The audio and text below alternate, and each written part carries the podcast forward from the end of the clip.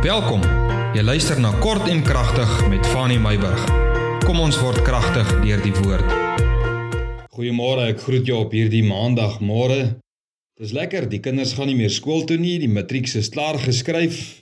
Ag ek vertrou dat jy so 'n bietjie 'n aftydjie gaan hê iewers in hierdie Desember. As jy moet werk, sterkte. Ons druk deur en ons byt vas. Jou dag sal kom dat jy ook so 'n bietjie kan wegbreek. Ek wil 'n bietjie met jou vanmôre gesels oor siekte en die duiwel. Nou jy sal nou wonder hier aan die einde van die jaar, een moet ons nie dan nou 'n bietjie feestelike goed oor praat nie. Wie maak nie saak wat die slegte ding is waaroor ons praat nie. Daar is altyd 'n goeie boodskap. As ons praat van siekte, dan weet ons mos wie is die groot geneesheer en as ons praat van die duiwel, dan weet ons mos wie die duiwel oorwin. Jesus Christus is antwoord op beide van die gevalle. Nou ek wil vanmôre met jou gesels oor twee verskillende ouens wat siek was of eintlik 'n man en 'n vrou. Beide van hulle is moontlik en 'n realiteit. Nou om dit nou te kan verstaan wat ek nou gesê het, moet ons gou na die skrif toe gaan. Matteus 12 vers 22. Toe het hulle 'n duiwelbesetene wat blind en stom was na hom gebring, na Jesus gebring en hy het hom gesond gemaak sodat die blinde en stomme kon praat en sien. Nou as jy net na na die ander evangelies toe blaai, dan sal jy sien dat Jesus het die duiwel uitgedryf en die blinde kon weer sien en die stomme kon weer praat. Nou hier is 'n man wat blind en stom was. Sy situasie, dink jouself 'n bietjie daarin. Sy situasie was treurig. Hy kon nie hulp gaan soek dit nie. Hy kon nie sien waar om te gaan en sou hy daar kom, kon hy nie eers gepraat het om te vra wat is die tipe hulp wat hy soek nie. Hy was vervreemd van sy samelewing.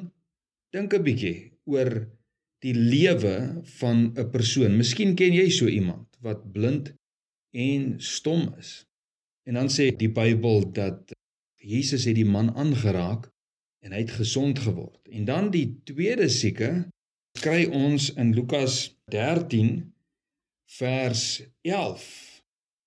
Die Bybel sê daar was 'n vrou wat 'n gees van krankheid 18 jaar lank gehad het. Sy was in mekaar getrek en glad nie in staat om regop te kom nie. 18 jaar lank in mekaar getrek. Sy het krom geloop. Sy kon nie regop geloop het nie. Kon nie mense in die oë gekyk het nie. Ek dink dit was 'n baie vernederende tipe omstandighede. Almal het letterlik fisies neergekyk op jou en jy kon nie opkyk na mense toe nie. As jy neergebukkend loop, jy weet jy kan nie jou jou nek genoeg draai om iemand van voor af in die oë te kyk nie. En ek dink baie normale take kon sy eenvoudig net nie verrig het nie. Wie wat wil ek vanmôre vir jou sê? Hulle elende, beide van hierdie mense se elende het gekom uit duiwelbesetenheid. Demone het hierdie man blind en stom gemaak demone of 'n demoon dan nou het hierdie vrou so krom en in mekaar getrek. En ja, wil ek vir jou sê, die duiwel kan 'n mens siek maak. Mense se lewens, hy maak mense se lewens hel op aarde. Dit is 'n realiteit. Alle siektes kom nou nie as gevolg van demoniese besetenheid nie, maar demoniese besetenheid is 'n realiteit en dat dit siekte veroorsaak is definitief so. Wie wat Die duiwel se primêre fokus is om die kroon van God se skepping, die mens, te belas met krankhede en elendes. Ja, ek weet, Adam en Eva het gesondes en siektes is onder andere deel van hierdie gevallendheid van die lewe, maar as die duiwel jou siek maak, is dit met die doel om die mens te ontneem van sy of haar Godgegewe gawes en talente, om die mens te belas met omstandighede wat 'n geleentheid kan skep dat die mens sy maker wil verag. Dink aan die verhaal van Job en sy vrou. Die vyand doen dit om die kwaliteit van lewe te beïnvloed. Dink aan hierdie man, blind en stom. Dink aan die vrou om die kwaliteit van hulle lewe te beïnvloed, om hulle vreugdes te steel, om mense uitwerpsels te maak soos wat die duiwel homself is, om die beeld van God skade te maak wat in die mens is om huisgesinne te belas met swaar kry en elendes, om konflik aan te wakker, om beweging te beperk, om finansiële druk op mense te plaas omdat hulle dalk nie kan werk as gevolg van hulle ongesteldheid nie, om die mense beeld af te breek, om mense moedeloos te maak, om mense lewe te steel. Wanneer Jesus mense genees het, was dit om alles wat ek genoem het nou te herstel. Menswaardigheid, plek in die samelewing, produktiwiteit, finansiële versorging, aanvaarding deur die samelewing, vrede in huishoudings. Jesus het alles kom herstel wat die vyand vernietig het.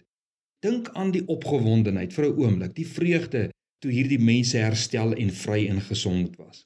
Dink aan die groot weldaad wat God aan hulle en hulle huisgesinne gedoen het. Ek wil afsluit. Ek het God se genesingskrag in my lewe ervaar en ek weet wat dit aan my en my gesin gedoen het.